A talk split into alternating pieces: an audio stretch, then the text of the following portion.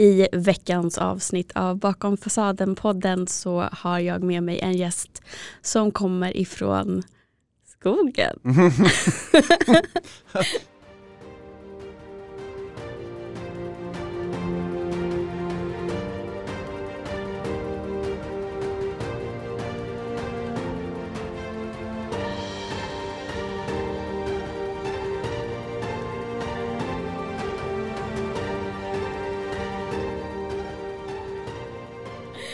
Varmt välkommen Andreas. Ja, men, tack snälla och tack för att du ville ha mig och tack för att du svarade på mitt mail. Ja men det var jättekul att du hörde av dig. Mm. Och eh, jag har också lyssnat lite grann på din podd Uppvaknandet. Mm, spännande. Och eh, fastnar för att det är mycket tankar och eh, även mantran kan man väl säga som vi har gemensamt. Och också din historia tror jag Mm. Att inte bara jag utan väldigt många kommer att känna igen sig i. Jag tror det. För innan, innan jag ehm, Innan jag kände att jag behövde dela med mig av det som hänt mig så kände jag så att jag behöver inte dela med mig av min historia. Mm. Men så kände jag så här, ja men det måste jag göra för det är det vi kan relatera till liksom. Mm. Om jag bara börjar pladdra om hur allt bara är ett och allt, hur vi alltid är sammanlänkade liksom, ja. då kommer ingen förstå det. Ja. Men om vi backar liksom bandet eh, till min historia då.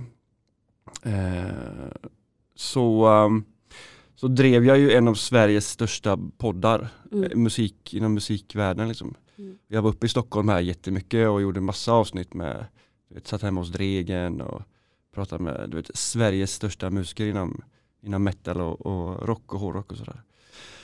Uh, själva samtalen som du och jag har nu, liksom, de är ju jättefina. Men stressen liksom under och bakom det var ju att det låg ett, en un, undermedveten tanke på att jag skulle bli sedd och hörd.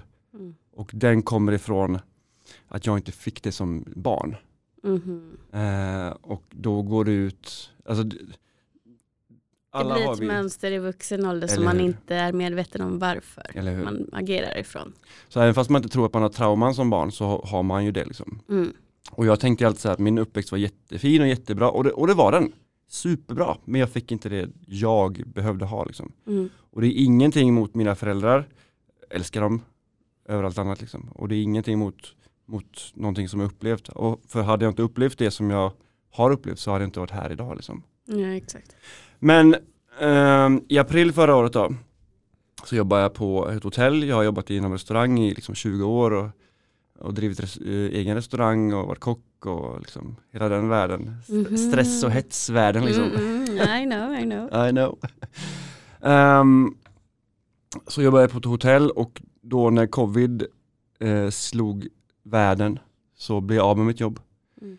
Vilket var fine, tycker jag. För att jag hade, jag hade ändå hoppat runt ganska mycket och varit väldigt sökande i vad jag ville göra härnäst. Jag fick liksom ingen ro så här. Mm. Um, två veckor efter det så går min pappa bort.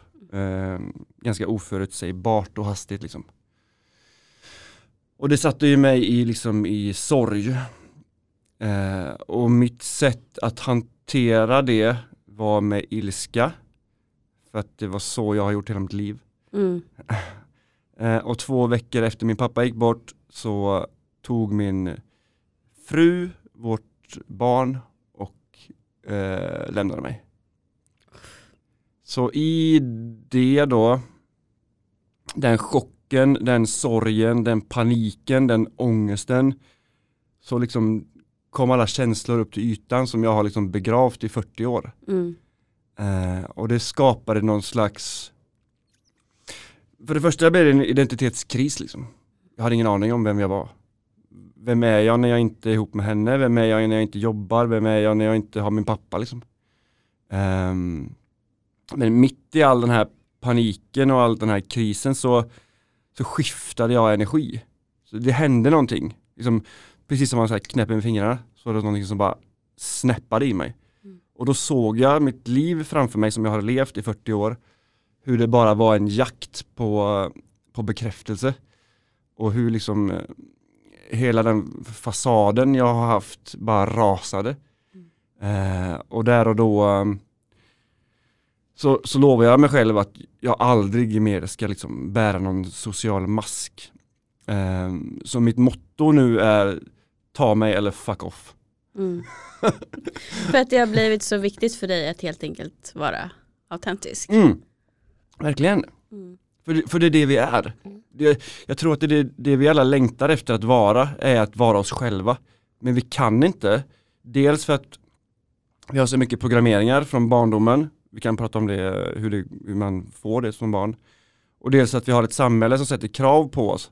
Att vi måste vara någon eller vara något. Ja. För att liksom passa in. Ja.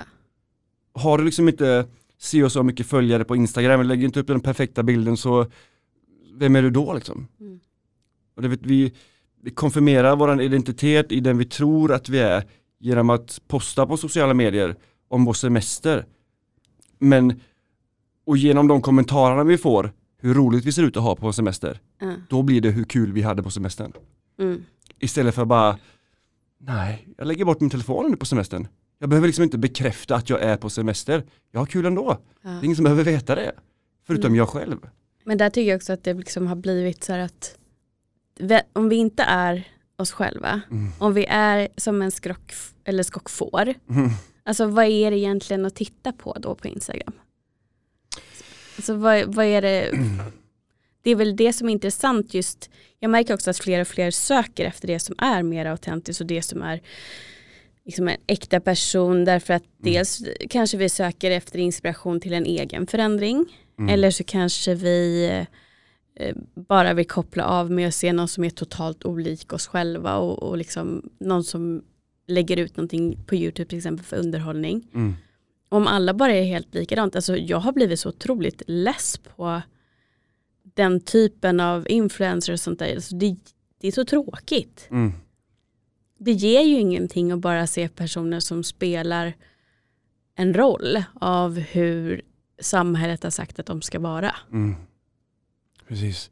Och ofta så jämför man ju sitt, jag pratade med en tjej som heter um, Elsa um, häromdagen, hon var mm. med i min podcast. Hon sa så jävla fin grej, hon sa att oftast så jämför vi vårt inre med andras yttre. Och det är det vi gör på sociala medier liksom. Mm. Vi tar våra känslor och applicerar dem på en polerad yta mm. som inte ens stämmer överens med verkligheten. Och, och, den verkligheten som de lägger ut då, det är inte ens deras verklighet. Nej. Det är bara, det är bara en illusion om vad de tror ska vara deras verklighet. Men, men liksom i bakgrunden finns det ju väldigt mycket annat. Ja. Som är mycket verkligare än, än en bild. Liksom. Mm. Jag tror man glömmer bort det. Um, för vi matas ju ständigt med intryck från hur bra allt ska vara. Liksom.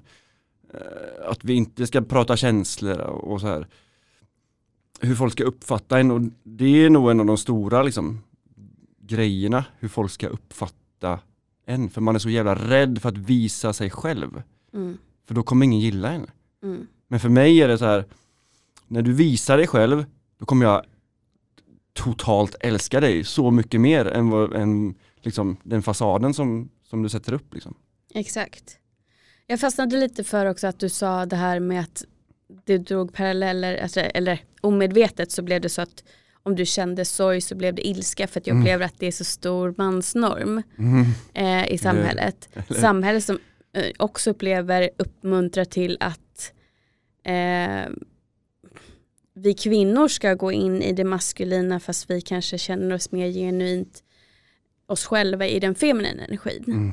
Um, och att liksom det blir det här hårda, drivna, maskulina som tas ut på fel sätt både för män och kvinnor. Mm. Hur upplever du det som man?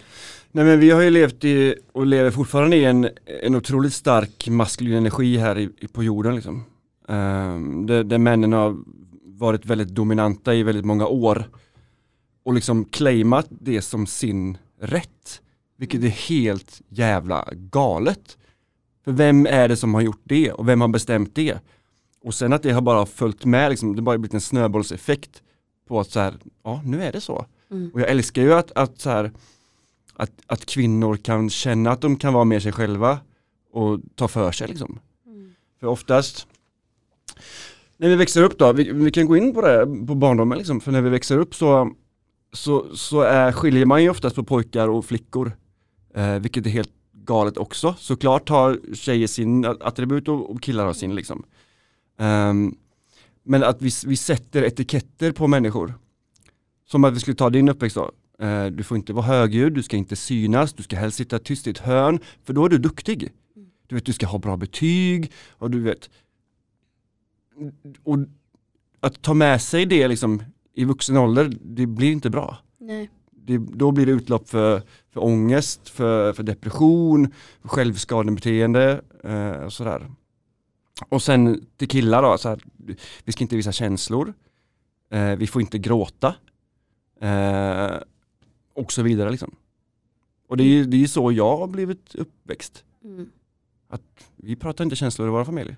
Vi sa ju aldrig jag älskar dig liksom. Mm. Förrän min pappa gick bort då. Då, då började vi säga det. Mm.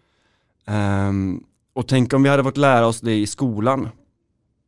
Att, att så här, vi har genom hela grundskolan och hela gymnasiet och hela högstadiet har vi liksom ett ämne som heter känslor. Känslor mm. och livet typ. Mm. Alltså tänk vad förändrad värld vi hade haft då.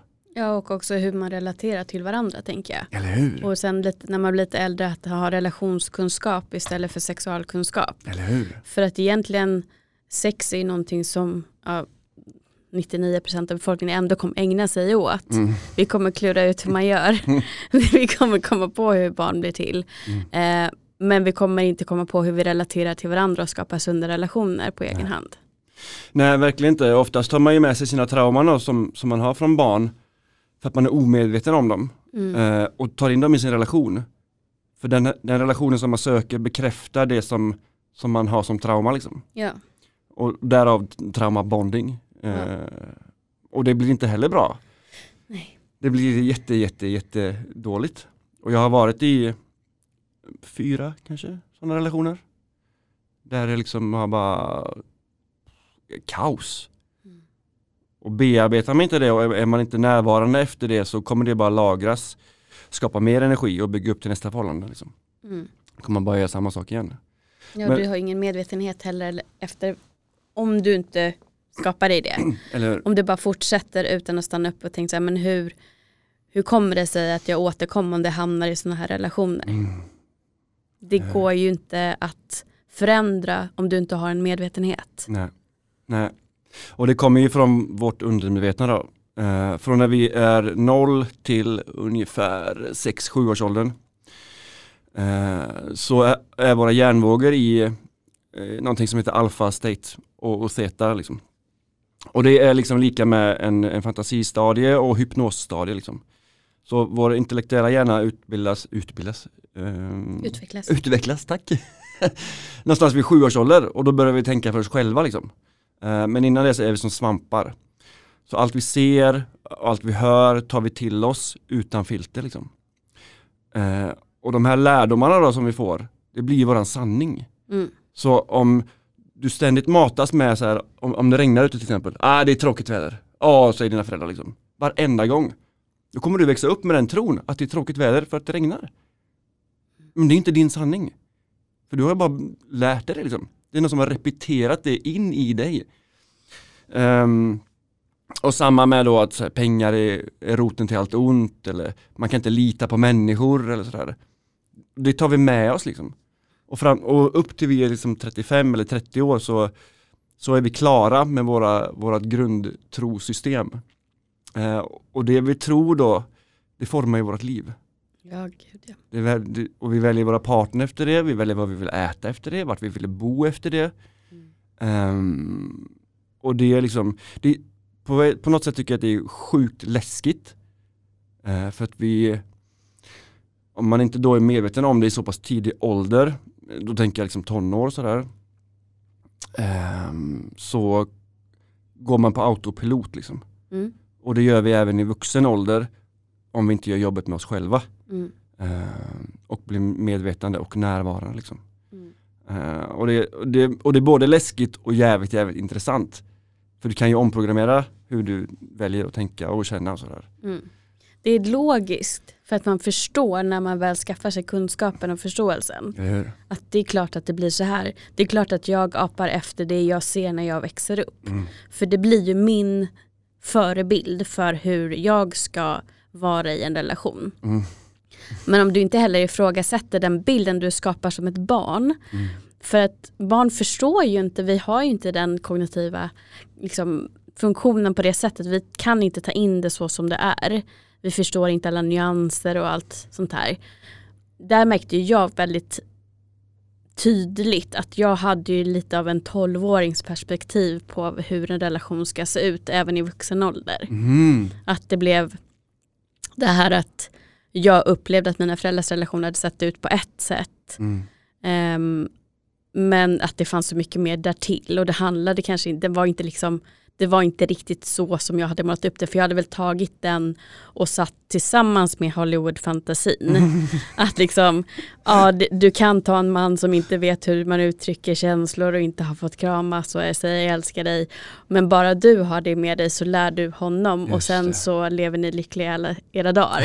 Det var liksom min syn på så skulle kärlek se ut mellan man och kvinna. Vilket såklart gjorde att jag också sökte mig till män som behövde eh, lagas i mitt, i, ja, i mitt perspektiv då. Mm. Ehm, med, men nu vet ju jag också både liksom intellektuellt och emotionellt att det går inte att göra det och det är inte en någons uppgift att laga en annan individ.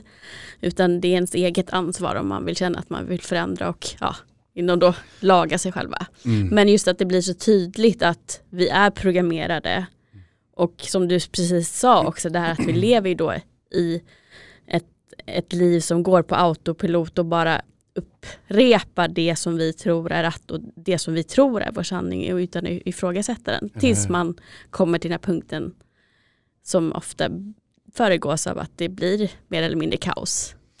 Ja men precis, exakt så. Och det behöver inte vara så. Men ofta så behöver vi ett wake-up call liksom. Ja. Och det kan vara en utmattning eller en, ett trauma, någon dör eller, eller som i mitt fall, och tre saker på en gång. Och, Mm, mm. eh, för att man ska, för att man ska liksom så här, shit vad är det, vad är det som händer? Hur har jag hamnat här? Ehm, hur gör jag för att ta mig härifrån? Vad behöver jag göra liksom? Ehm, och det är en, för mig då, var ju en sjukt jobbig process liksom. För jag hade ju aldrig gjort det. Mm. Ehm, men när jag liksom omfamnade allting och accepterade liksom mitt liv som det såg ut då, vilket jag kände att det, nu är jag på totalt botten. Liksom. Ja. Jag har ingenting kvar Eh, och nu måste jag bygga upp mig själv. Eh, och det var jävligt häftigt. För då kunde jag bygga upp mig själv som jag själv ville. Exakt. Utan någon annans inverkan. Liksom. Mm. Eh, och sen så har jag fallit tillbaka mycket några gånger. Men, eller jag ska inte säga fallit tillbaka för det gör man ju liksom aldrig. Men gått in i samma mönster men upptäckt dem ganska snabbt. Det, jag tror att det är upplevelsen är att man faller tillbaka. Mm.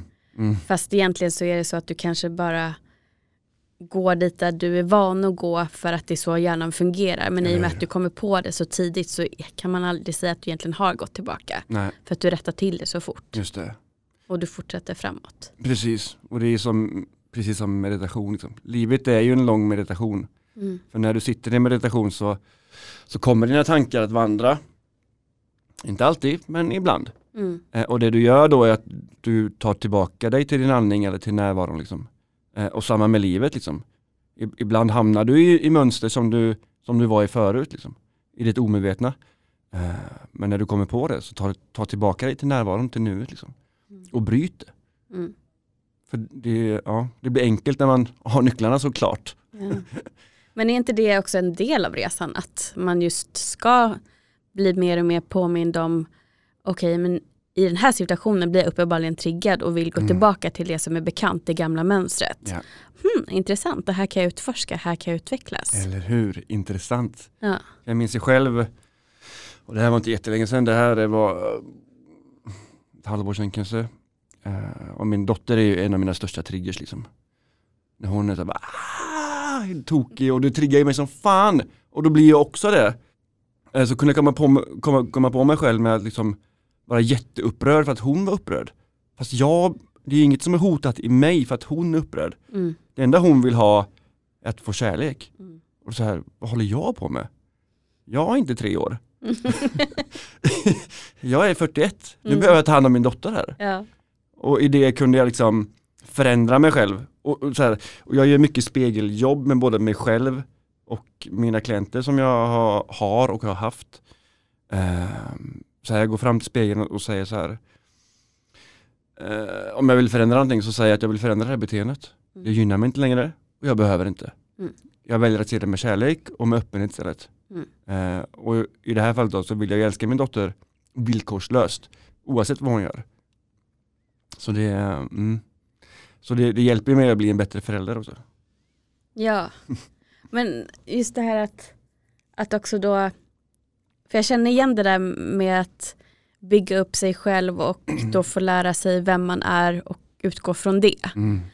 För mig har det väl tagit, jag vill säga sju år egentligen. Mm. Om, för att jag trodde att när jag la om livet efter min utmattning för sju år sedan, Mm. att jag började leva mer autentiskt efter vad jag är, började känna in, lärde mig att jag var högkänslig, bara det var ju jätteviktig pusselbit för mig för att också förstå hur jag kunde bli utmattad när jag bara tyckte att jag levde som alla andra.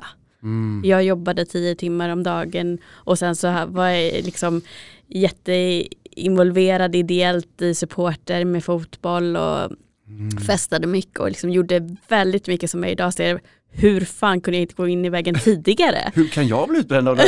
Ja, men det var så här, att det ens gick så lång tid är för mig idag en stor gåta. Ja. Men det var väl för att jag brann så mycket för det så att jag liksom kunde springa över mig själv och, så många gånger av Mm. ren vilja. Mm. Ehm, men där och då började väl jag prata om det här att lyssna inåt som Mm. du också pratar om. Mm. Ehm, men det tar tid också att lära om Mm. och göra om, göra rätt utifrån vem man är för att vi inte får lära oss Mm. eh, hur man lyssnar inåt. Vad innebär det egentligen? Och hur vet jag vad som är jag? Hur vet jag vad som är bara ren programmering? Mm. Eh, hur kan jag höra min inre röst? Mm. Så att där har jag tagit de åren ändå att göra om en del misstag, tycka att, ja, men också och lära mig det största misstaget jag tror jag har gjort ändå är att tro att jag är klar. När jag tycker att jag mår bra. Mm. När jag själva verket bara undviker mina triggers. Och för mig har också varit att jag slutade också eh, dejta eh, i väldigt många år bara för att jag tyckte att då var mitt liv så lugnt och skönt och nu har jag inga Mhm. problem. För att det ligger så mycket triggers för mig i otrygg anknytning som till största del triggas i en kärleksrelation Mm. till exempel. Då Mm. behövde jag inte ta itu med det och tyckte att jag var klar Mm. för att jag blev inte triggad. Nej. Och sen när jag tyckte att ah, men okej, nu ska jag börja med det här igen och då går in i en osund relation igen. Såklart för att jag har ju inte mött de delarna av mig. Jag har inte mött mina skuggsidor, jag har inte läkt min anknytning. Eh, nu pratar vi om för ungefär två och ett halvt år sedan. Mm. Medan sen dess då har fått egentligen gå ännu mer in på djupet har ju också gett mig en större bild och en större trygghet i vem är jag? Vad är autentiskt? Och nu när jag känner att jag vet vem jag är och hur jag vill leva och där upplever att du är på samma spår. Mm. Eh, att idag så klarar jag inte av att inte få vara den jag är. Mm. Att är det någonting som jag känner hotar, ja inte våldshotar men att det liksom är en, en relation eller en person på något sätt som vill att jag ska vika ner den jag är eller anpassa mig Mm. på ett sätt som inte gör att min röst ska vara lika värd. Mm. Alltså det skaver så otroligt i mig så det nästan gör fysiskt ont. Jag klarar inte av att vara i sådana situationer. Medan jag alltid var i sådana situationer tidigare. Men det intressanta är att veta, veta då vad det var du gjorde för att kunna hitta din röst. Mm. Jag tror att det var väldigt mycket eh, jobb med det inre barnet. Att lyssna på henne. Att gå tillbaka till situationer som hade skapat sår. Mm. Och gå in där som en förälderroll till mig själv. Och eh, liksom visa att det, jag är trygg. Det är okej. Eller förklara någonting som hade blivit fel. Mm. Där jag hade behövt, det är många som har sagt det då att, eller många men de jag har gått till att i den här situationen, vad hade du behövt då? Ja men då, då gör vi om det nu. Just det. Så att det liksom, ja men att man omprogrammerar helt enkelt och då blir det ju också en annan trygghet för att jag vet att jag alltid har mig själv. Jag håller mig själv Mm. om det är någonting. Men då pratar du med dig själv? Eh, ja, det har varit både på det sättet att det har varit liksom lätt av en terapeut. Mm. När Mm. jag har fått sitta liksom mm, på två stolar vända mot varandra och jag kanske sitter och pratar som eh, vuxen jag. Mm. Och sen får jag gå och sätta mig i den andra och då ska jag Mm. vara just det vi pratar om. Den jag ide- identifierar där. 12-åriga Helena liksom. Det kan vara mycket tonårig Helena har varit. Mm. Eh, och det har också varit delpersonligheter. Prestationspetra, prestationspetra kallar jag henne för. Mm. Hon som vill eh, vara alla till lag så prestera, prestera för att då är jag värd någonting. Det, det- alltså det har varit mycket sånt jobb. Mm.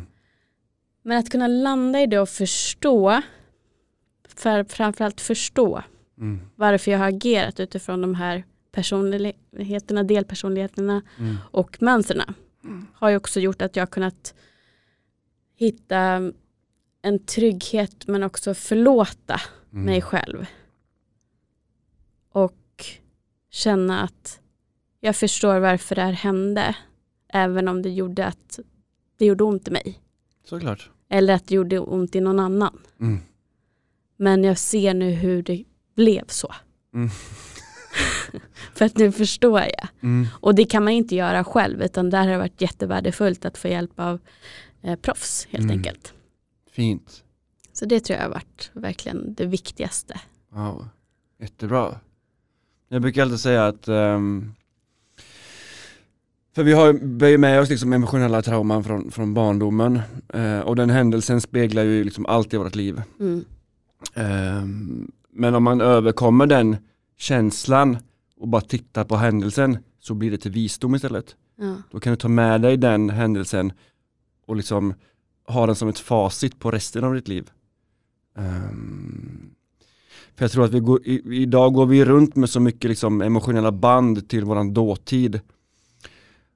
Och det färgar våran, vår, både våran nutid, för att vi är inte i nuet, vi är liksom 12 år sedan Mm. i, i den händelse som hände då.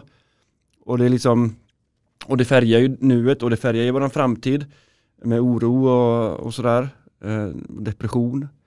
Ehm, så jag, man behöver liksom komma över de här emotionella banden och klippa dem för att ta tillbaka sin energi för att kunna läka liksom, från, Mm. från det. Eh, och när det händer, om man inte längre är liksom emotionellt anknuten till en tanke då som det är, eh, så blir man så jävla mycket friare. Mm. För allting börjar med en tanke, eh, hur liten den än är. Och den tanken får kraft genom att vi repeterar den. Liksom. Mm. Desto mer du repeterar den, eh, liksom, medvetet då, desto mer kommer den lägga sig i undermedvetet. Till slut så behöver du inte ens repetera den, utan den ligger där. Och det den gör med dig då är att den formar dig. För att du är så omedveten om den. Liksom. Mm. Eh, och samma sätt är det ju att vi kan, vi kan eh, ändra vårt undermedvetna genom att repetera in liksom, eh, det vi vill ha istället. Som jag gjorde ett experiment på mig själv. Alltså, vi, vi alla är vetenskapsmän och vetenskapskvinnor av vårt liv. Mm. Experimentera liksom. Jag gjorde experiment, ex, experiment med mig själv. Eh, det var att varje natt under en eller två månader så lyssnade jag på, eh, på affirmationer. Jättehärligt så här YouTube-klipp från någon som heter Anna-Lena på Q Life eller något sånt här. Mm. Svinhärligt verkligen. Ehm, för när vi går och lägger oss, eh, och- eller ja precis, när vi, när vi somnar och när vi vaknar är, är då vi liksom öppnar portalen till vårt undermedvetna. vi kan också göra det genom meditation, genom att vara väldigt avslappnad och sådär. Eh, men då, det är lättast då. Eh, så när du lägger dig så sjunker liksom hjärnvågorna och du öppnas mer och mer och blir mer och mer mottaglig. Om du då matar dig själv med positivitet under den tiden så kommer du tro på att det är sant. Um, och det är därför det, det, är bra att meditera på morgonen. För då har liksom inte intellektuellet, intellektet, svårt att av det ordet, intellektuellet, uh, intellektet vaknat till liv. Du, du har liksom inte mycket, lika mycket tankar som, som du har under din, din vakna vardag. För dina hjärnvågor är mycket, mycket lägre. Mm. Och det är häftigt att kunna göra det. Mm. Upplever du också att just när det har varit saker som du har kommit på att det, det här och det här har hänt under barndom, tonår som har smärtat. Mm. Att när du väl har klippt de emotionella banden till de här händelserna, att mm. det är helt annan sak att prata om det. Det, liksom, det känns inte. Nej, det finns ing, nej precis, för det finns ingen emotionellt band längre. Mm. Men när det väl har kommit upp till ytan så har jag gråtit. Ja, då gör det ju Ja, verkligen. Mm. Och, om vi bara tar gråta då, alltså, pojkar ska inte gråta. Jag grät inte på 40 år. Mm. Alltså inte på en begravning, du vet, ingenting. Jag grät inte. För jag var liksom så programmerad, så gör inte jag. Jag kan inte visa känslor liksom. Um, och så, sen när jag vaknade upp, eller jag, jag kallar det för ett uppvaknande men det, egentligen är det mer ett bortskalande. Mm. Av allt jag inte är. Eller var. Mm. Um, så kände jag, eller jag tillät mig att känna allting. Liksom. För det är också att du behöver tillåta dig själv att göra vissa saker. Och en av tillåtelserna eh, jag gav mig själv var att känna. Liksom. Och då grät jag typ. Mm. Alltså, jättemycket, varje dag liksom, i två månader. Bara grät och grät och grät och grät. Och idag kan jag börja gråta till vad som helst, en podcast, bara, tårarna bara flödar eller en film och du vet. Och det är så jävla fint. Yeah. För det är någonting som behöver komma ut. För kommer det inte våra känslor ut så kommer det sätta sig i kroppen som, eller så, som energi, för allt är ju energi. Liksom. Mm. Och det kommer leda till antingen sjukdom och eller liksom olika beteenden, att du blir introvert eller att du blir utåtagerande eller att du vet, blir våldsam eller, eller går in i relationer som du inte ska vara i eller du vet. Mm. Sådär. Um, mm, men också under den tiden så när, när jag hade precis vaknat upp så um, och tillät mig känna allting så var det så befann jag mig i ett stadie av total eufori. Alltså i en, en och en halv vecka så gick jag omkring och bara var Det fanns inte ett problem i hela världen. Jag var så jävla lycklig. Mm. um, och det var väldigt fint för då var jag också väldigt öppen för för, för eh, min guidning. Liksom. Jag har alltid varit medial och alltid känt liksom, energier runt omkring mig. Men den guidningen jag hade då och har fortfarande var helt otrolig. Det var saker och ting som sa till mig så här, du ska gå dit. Bara, fast jag har inget ärende dit. Och då skulle jag gå till ICA liksom. Fast jag, jag vet inte vad jag ska göra där. Så gick jag dit ändå. Och på vägen hem så mötte jag en av mina bästa vänner som jag inte sett på skitlänge. Och hans syster stod vi där och pratade om jätte, alltså vi pratade jättelänge om livet och skithärligt verkligen. Mm. Um, så fick jag till mig vilka människor jag skulle möta framöver. Uh, och det har jag gjort. Uh, som um, min, mitt ex blir det nu då. Uh, jag dejtade en tjej, jag gjorde slut med henne igår. Oj. Ja. uh, jag fick till och med att jag skulle träffa henne. Jag fick veta vad hon hette. Jag fick veta vad hennes bakgrund. Jag fick veta hur jag skulle träffa henne. Och allting stämde liksom. Jag skulle träffa henne online. Hon var en hästtjej. Uh, hon var blond. Du vet, och allting bara stämde. Hon hette Anna. Allting bara stämde. Hur får du till det, det här? Är det som en röst eller är det bilder? Uh, det är både och. Det är både röst och bilder. Uh, I början var det bara röster. Men sen så har jag tränat upp mitt mer visuella inre seende. Liksom. Mm. Um, och gjort det liksom i, i meditationer och i, i energiarbete. En, en kille som heter Jeffrey Allen som har en kurs som heter Duality på en plattform som heter Mind Valley. Uh, vill man och känner att man känner sig dragen till att lära sig mer om sig själv, sin energi, sätta gränser, grunda sig själv, eh, gå den kursen liksom. Mm. Den förändrar mitt liv. Så jävla bra. Men också min intuition då ledde mig till då, eller min, min, min guidning kan man ju säga, ungefär samma sak. Ledde mig till, till Anna då och ledde mig också till att, att göra slut med henne. För igår när jag gick, eh, jag brukar alltid gå i skogen när jag känner att jag behöver liksom rensa och sådär. Och jag känner inte att jag behöver tänka utan jag behöver bara gå. liksom. Så var jag ute i skogen igår och plockade svamp, liksom. trattkantareller, svinhärligt. eh, och så fick jag till mig så här att vi ska inte vara tillsammans. Vi har bestämt det här mötet sedan innan. Det här kommer vara jättesmärtsamt att, att lämna liksom. Eh, för att jag älskar henne och att hon älskar mig liksom. Men att vi träffades var enbart för att jag skulle lära henne eh, emotionellt att bli mer sig själv. Att jag skulle låsa upp saker i henne som inte hon såg själv, som låg under mötet. Och det hade vi tagit upp dagen innan.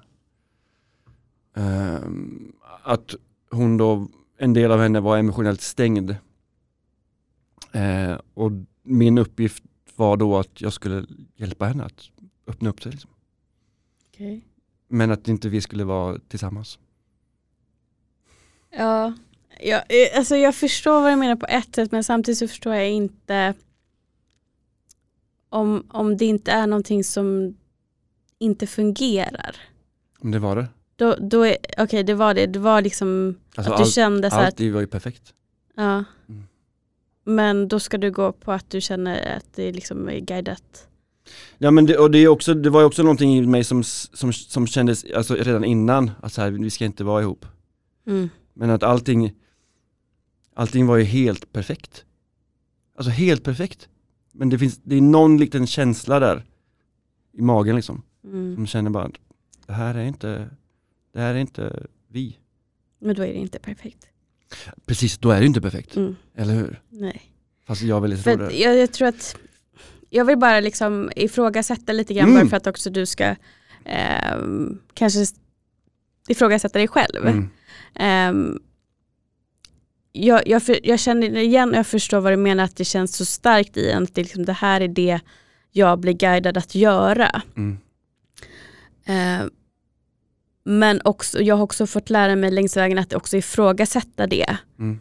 För att jag tror också att vi vill gärna, om det inte går att peka på att någon har gjort en illa eller att det är någonting som vi har fått lära oss är fel, Mm. att då säger vi att "Ja, men det var ju inget fel här. Det var ju jättebra och det här är en jättebra, och det kan ju självklart fortfarande vara en jättebra människa. Bara att det inte är din människa. Mm. Eller i mitt fall då skulle jag att det inte är min människa. Mm. Ehm, och sen tror jag att man kan uttrycka det på olika sätt bara, men då känner man ju ändå att det är så inuti. Och det handlar också om att vara sann mot sig själv och leva i sin egen sanning. Att man känner så starkt att det är ingenting jag kan peka på som egentligen är fel, men det är inte min människa. Mm. Det här är inte, vi ska inte vara tillsammans, så som du säger. Mm. Sen så finns det ju de som säkert skulle identifiera sig som mer icke-spirituella som skulle säga att jag bara kände att det här fungerar inte, det här är inte jag. Mm. Och de som är mer spirituella och känner av energier på så sätt som du gör uttrycker dig som du har gjort. Mm. Men att det ändå är någonting som faktiskt inte är perfekt, som inte är rätt Mm. I grund och botten och vi alla känner det inuti. Mm. Oavsett hur vi titulerar liksom, hur vi spirituella vi är eller inte. Eller hur? Jag tror också att, att eh, ordet spiritualitet delar människor Mm. jättemycket. Mm. Ehm, och jag, jag är lite kluven på om jag vill använda det eller inte. Ehm, men just nu gör jag det. Jag Ja. tycker att det känns bra liksom. Ja men det känns rätt för dig och då ska ju du göra det. Precis. Jag vill bara lyfta upp det därför att jag tänker att det förklarar kanske på ett sätt som gör att de som inte känner igen sig i det Absolut. förstår att ja, men så här har jag också känt. Verkligen. Jag, jag bara använder inte de här orden, det vokabuläret, men jag känner igen det. Liksom. Ja, och jättefint. För jag, precis. f- för, för mig är ju allt spirituellt. Mm. Jag tror inte att vissa människor är det och vissa människor är det inte utan vi lever i, på samma värld, i samma universum, i samma energi. Vi är liksom skapta ur samma energi. Uh, the big bang liksom. Och idag är det faktiskt vetenskapligt bevisat att vi är från samma energi. Mm. Vi går i samma energi. Du och jag är gjorda av samma energi. Liksom. Det här går ner på liksom, atom, molekyl, partikelnivå. Liksom. Mm. Eh, och det är jävligt häftigt att se och, och höra på. Liksom. Um, så om man är osäker på det så kan man kolla upp det. Uh, det finns en, eh, en forskningslaboratorium i typ halva i Schweiz och halva i uh, Frankrike tror jag det som heter CERN. Uh, som forskar på det här. Ehm, så de har gjort jättemycket experiment med liksom, inom kvantfysik. Då. Mm.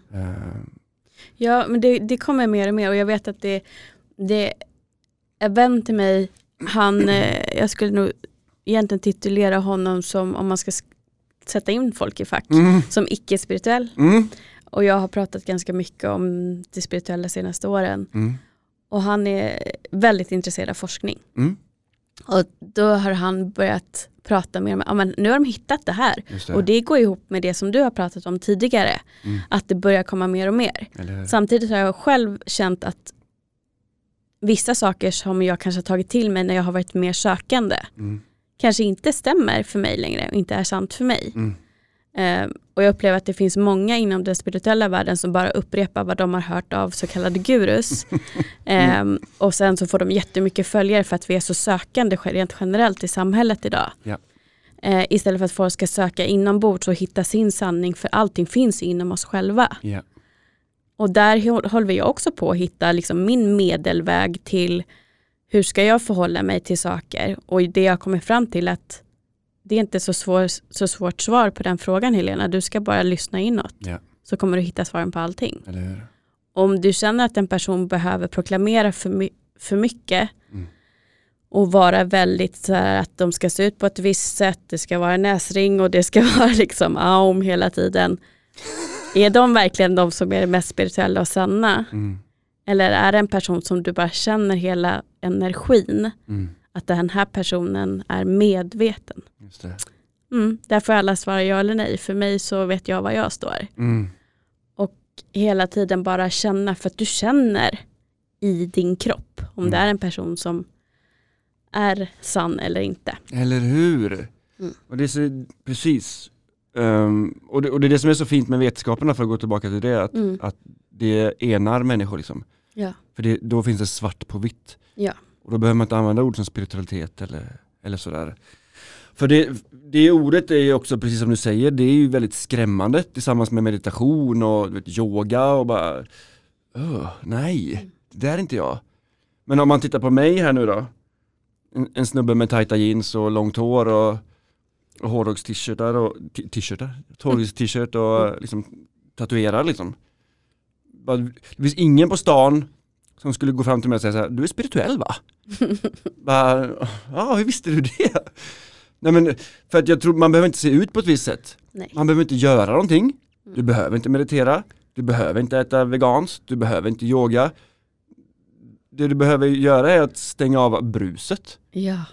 För att kunna höra dig själv. Mm. För att lyssna in vem du vill.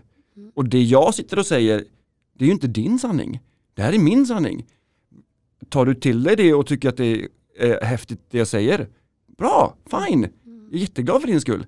Gör du inte det, bra, fine, jag är jätteglad för din skull. Alltså vi behöver ta tillbaka vår egen kraft. Ja. Och inte ge bort den till, till vad vi kallar för gurus. Liksom. Liksom i, I det här sökandet som jag också har varit i liksom jättemycket. Så har jag kommit både liksom jättelångt ifrån mig själv och jättenära mig själv. För det finns vissa människor som resonerar mer med, med mig än andra liksom. Mm. Men att då liksom inte ta deras budskap blint. Utan mm. liksom höra vad de säger, okej okay, de säger så här, varför gör de det? Okej, okay, det är deras budskap, var har de fått det ifrån? Vet inte. Är det mitt budskap? Ja, men jag kan ta en liten bit av det, för det stämmer med mig. Exakt. Eller jag behöver inte ta allting. Mm. Som, som det, det, senaste, för jag älskar att ifrågasätta saker. Alltså älskar det. Folk gillar inte det.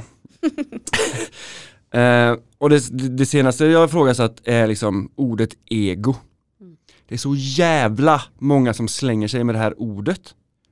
Eh, och, och det kommer ju från för det första kommer det från eh, Sigmund Freud som myntade det här. Han myntade att det fanns ett jag, och det fanns ett överjag och det fanns ett, eh, nu minns jag inte riktigt. Men att det här egot då var, det var en del av oss liksom. Och då har liksom människor tagit det här ordet och bara kubbat, de har bara sprungit allt vad de kan och bara Vi har ett ego i oss! Det är det som gör det här med mig! Bara, nej, det är det inte! För mig så är du hel. För mig så är du ingen del. För mig så är det ingen del i dig som tvingar dig att göra någonting. Det är du som har lärt dig själv att göra det här. Men om du skulle lära dig själv att göra någonting annat, vad är det då? då? Är det fortfarande ett ego? Nej, då är det ju du. Eller hur? Um, men, och det blir också väldigt lätt att prata om ett ego för att det är så många som bekräftar det. Men, och jag har också gjort det så här, ja men det, det var inte jag som gjorde det, det var mitt ego liksom. Då kan man fortfarande här, skylla på någonting annat istället för att ta ansvar själv. Mm. Uh, men att börja ifrågasätta liksom hela spiritualiteten också, Mm. det, det är så jävla coolt. Mm. Det är så jävla häftigt. Vad är, vad är det som stämmer egentligen? Måste man meditera två timmar? Vem, vem säger det? Varför, varför då? Stämmer det med mig? Jag kanske vill bada badkar i en timme. Ja men gör det då. Men om man tittar egentligen på vad meditation är, det är ju att man ska Mm. vara stilla. Och det kan man ju vara i ett badkar också och bara låta tankar, egentligen så meditera, för mig så är det också meditation. Eller att du går en promenad och liksom låter tankarna få sortera sig själva utan att du påverkar dem. Mm, Det är också meditation. mm, För mig har det inte funkat att sätta mig för att jag tror att jag måste nå till en viss punkt. mm, Utan jag har använt meditation framförallt nu sist, på sistone när det har varit väldigt stressigt i mitt liv. mm, Och att liksom få till den här stunden av stillhet egentligen. Att eh, ja, men bara tysta ner allting runt omkring och få det som observera vad kommer till mig, vilka tankar kommer, vilka kan jag släppa? Mm. Och jag märker att jag sover så mycket bättre. För mig fungerar det bra att göra det eh, tidig kväll Mm. när jag kommit hem från jobbet och det har passat bra också för eftersom jag är aktiv på en kvinnlig app som heter, med livesessioner som heter Voice Her. mm, Då finns det två tjejer där som har guidade meditationer och de har reiki och sånt där. mm, Att jag då stillar mig efter en dag som har inneburit stress och olika typer av känslor mm, i en timme har gjort att jag sover så mycket bättre mm. och har slutat bita upp käken och då får jag inte spänningshuvudvärk. Jätte, jätteviktiga verktyg för mig. Mm. Så att jag tror att med allt som vi egentligen pratar om idag så är det ju så att jag tror att både du och jag försöker säga att du, du som lyssnar ska hitta dina verktyg som passar dig. Du ska hitta din röst. Du ska hitta det, precis som, som du sa också Andreas, det här att om du lyssnar på någon för att du känner att du behöver hitta någon som vägleder dig Mm, att inte ta till dig allting med hull och hår utan plocka ut det som känner att det här resonerar med mig, det här känns bra i kroppen mm, när jag lever det och då göra det till ditt. mm. Det är Eh. så, så viktigt. Ja, och alltså om vi ska prata vidare meditation så har det ju hjälpt mig jättemycket. Mm. Så jag mediterar nästan dagligen. Alltså, jag, och jag längtar till stunden jag får bara sitta med mig själv. Mm. För i början när liksom allting brakar lös så, så var det någonting i mig som sa att jag skulle meditera. Jag hade aldrig gjort det. Jag visste knappt vad det var. Hur gör man? Mm. Varför? Eh, Ska jag sitta med benen i kors eller ska jag ligga? Eller ska jag, du vet, jag hade ingen aning. Mm. Så, så jag bara tog en kudde, satte mig på golvet. Och då hade jag laddat ner en, en app som heter Headspace. Och så bara satt jag där i tre minuter. Eh, som var den kortaste tiden som fanns då. Mm. Och du vet, jag brukade förklara det som, som att det var liksom eh, tomma konservburkar som bara rasslade omkring i min, mitt huvud liksom. Alltså det var så jävla obehagligt. Ja. Jätteobehagligt verkligen. Mm. Men då såg jag också vart mina tankar ville ta mig. och sen så har jag varit med om helt otroliga upplevelser i min meditation. Eh, jag har lämnat min kropp till exempel. Jag har, eh, jag har, jag har läkt.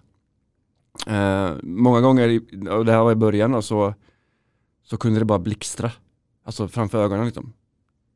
Det var så som smällar så här, med blixtar och ljus. Eh, som jag blev livrädd för. Men jag satt kvar i det för att jag kände att jag behövde det. Um, och där och då, så vad jag gjorde då omedvetet var att jag tog min person som jag trodde att jag var, den platsen jag trodde att jag var på, på den tiden jag trodde att jag var på och blev liksom ingen. I ingen tid, ingenstans. Och i det så kunde liksom min kropp läka sig själv eh, för att mitt intellekt inte var i vägen. Mm. Um, och det är en jävligt cool grej. Och i, vi behöver egentligen inte göra någonting, vi behöver bara släppa. Mm. Vi behöver bara, ah. För kraften som gjorde kroppen kan läka kroppen. Exakt. Mm. Jag tycker också att det är intressant att det är så många som söker materiell framgång. Mm. Och, men pratar man med de som har lyckats och nått väldigt långt, mm. de har ju de här rutinerna själva. Mm de mediterar, de tar hand om kroppen på olika sätt. De ser till att de äter på eh, ett sätt som gynnar just deras kropp och liv. Eller och de rör sig som gynnar deras kropp och liv. Eller livsstil ska vi säga. Mm. Så att det är ju också liksom en del av receptet till framgång som jag tycker är en intressant, ett intressant synsätt på det. Mm. Och jag såg också en video på YouTube häromdagen när någon hade gått runt och intervjuat flera stycken män som man, man såg att de hade nått materiell framgång mm. på stan i New York tror jag att det var. Mm. Och sa, vilket råd skulle du vilja ge till andra som vill nå framgång?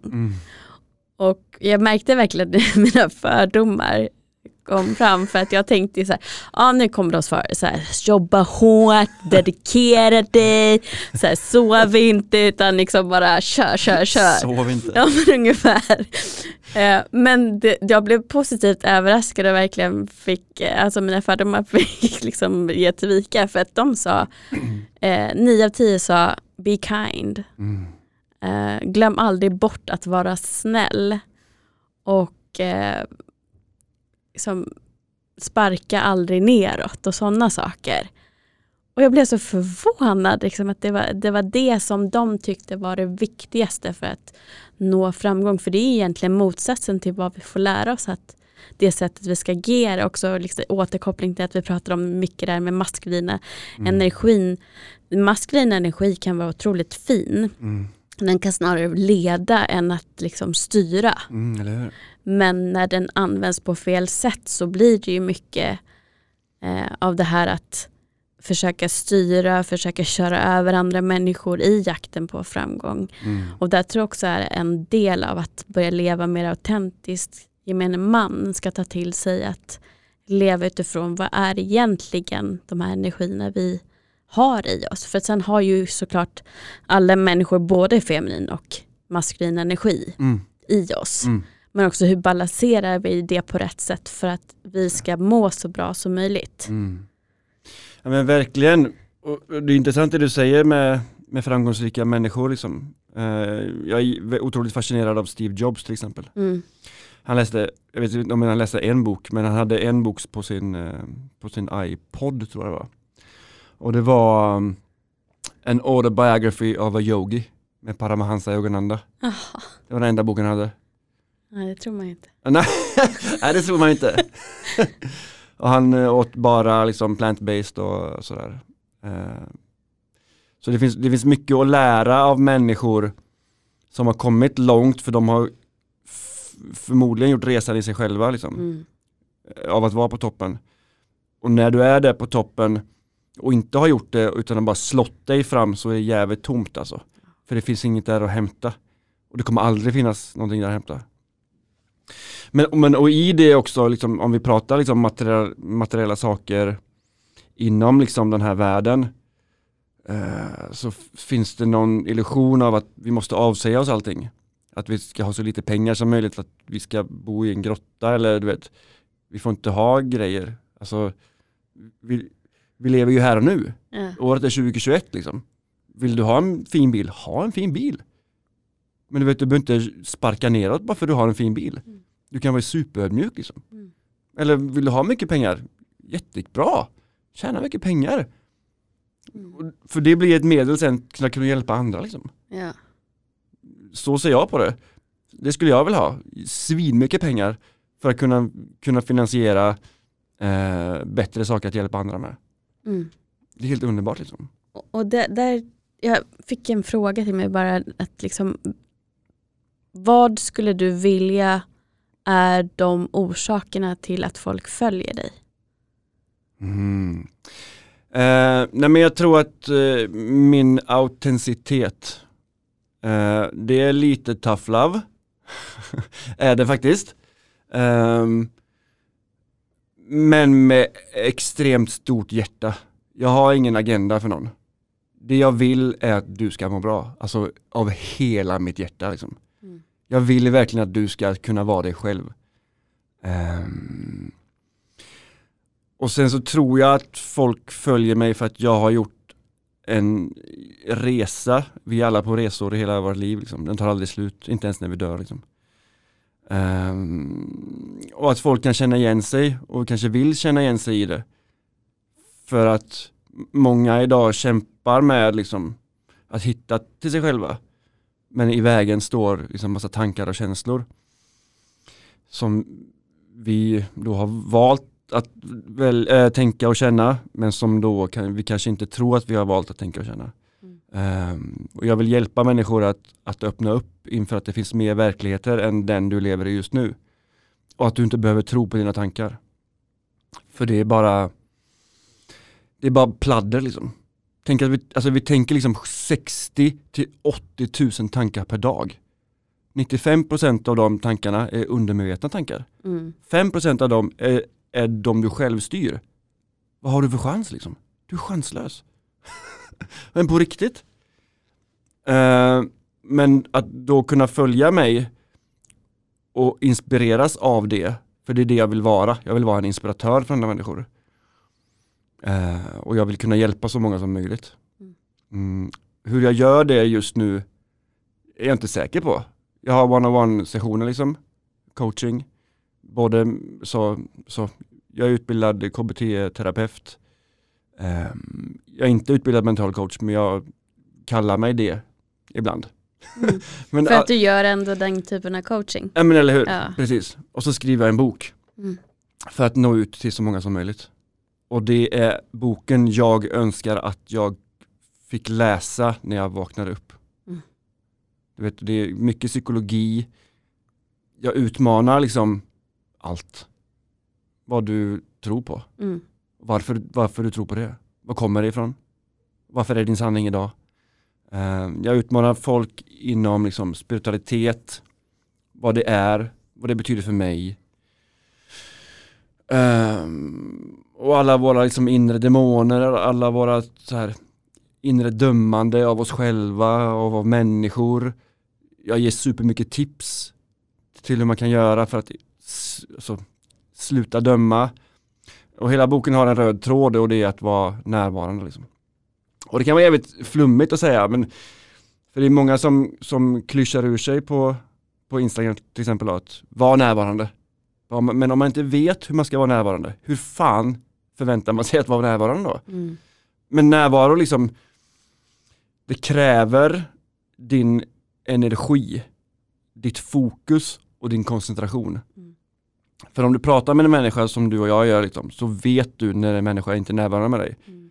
För att den, dens energi är någon annanstans. Mm. Kanske, kanske i telefonen eller i tankar på vad som hände med, med frugan innan han åkte hemifrån eller du vet. Mm. Sådär. Ehm, men som allt annat här i livet så behöver vi träna på, på det. För ofta så tränar vi på att vara splittrade i vår energi. Mm. Du vet, vi har e-mail, vi har telefon, vi ska dricka något, någon kommer att knacka på fönstret, det blåser ute. Du vet, vi är så splittrade då och vi är så duktiga på det, fast vi tränar på det. Ja. Ja, vi är så Som jävla med bra. allt, vi blir bra när vi tränar på det. Eller hur? Ja. Men och, och som i meditation då, är ju träning på att vara närvarande. Men vi blir inte bra på att meditera bara för att vi tränar på meditation utan vi blir bra på att vara närvarande i livet. Mm. För det kommer ha en carry-over till din, vardag. Liksom. När kommer vi kunna läsa den här boken? I- jag är i slutfasen av eh, skrivandet känner jag. Ehm, och sen så ska jag dela med mig den till lite förlag som, eh, som kan tänka sig att släppa den. Eh, jag har bett om att få till mig vem som kan göra det liksom. Hjälp på vägen. Så ehm, jag vet inte, nästa år. Mm. Min, ja, eller hur? Jag är jättetaggad. Ja, jag blir jättetaggad när jag... och det resonerar så mycket det du säger och varför du vill att folk ska följa dig. För att det är exakt så som jag känner. Mm. Det var jätte, jättefint att höra någon annan säga. Ja, vad bra. Nej, så Ja. att, ja, jätte, jättehärligt att eh, också ha det här idag. Tack snälla. Ehm, om det är någon som vill komma till dig för coaching, Mm. hur når man dig lättast? Hur funkar det? Eh, du kan antingen mejla mig på uppvak- nej, Andy at uppvaknandet.nu. Mm. Jag har en hemsida som heter uppvaknandet.nu. Eh, min Instagram är uppvaknandet.nu. Mm. Eh, unisont och härligt. Jag Ja. finns på alla, på alla de kanalerna. Liksom. Mm. Så skicka ett meddelande eller mejla mig eller så kommer jag att svara. Eh, tar du emot folk som också bor i hela Sverige? Eller? Ja, Ja. Även online, Ja, absolut. jättebra, för då blir det mycket lättare, även om du inte bor i närheten. Nej precis, eh, och nu har ju folk eh, kommit hem till mig Mm. och liksom eh, i den lugna miljön där. Mm. Eh, och det är skithärligt verkligen. Ja. Mm. Men jag tänker man behöver din guidning och inte har möjlighet att göra det så, så vet vi nu att Ja. det fungerar ändå. Verkligen. Hör av dig bara så löser det. Ja. Mm. Och jag kommer ju som vanligt då även länka till din hemsida och skriva ut din mailadress i beskrivningen till det här avsnittet. Fint. Tack. Med det har jag bara jättemycket tacksamhet i hjärtat att du har varit här och delat med dig av kloka tankar och svarat på lite kniviga frågor kanske. Men eh, framförallt för det arbetet du gör. Det är jätteviktigt och eh, att du också stärker mitt syfte som jag har med den här podden. Tack snälla och tack för att du gör det här. Det är, det är så viktigt. Och det är så fint av dig att ta dig tid att prata med människor som, som får, får göra sin röst hörd så att andra människor kan bli hjälpta. Jag tänker att tillsammans så förändrar vi världen. Eller hur? Och eh, genom att du lyssnar på det här, du som har hängt med oss idag, så förändrar ju du också en del av dig själv och du kanske delar och hjälper till att sprida budskapet och så vidare.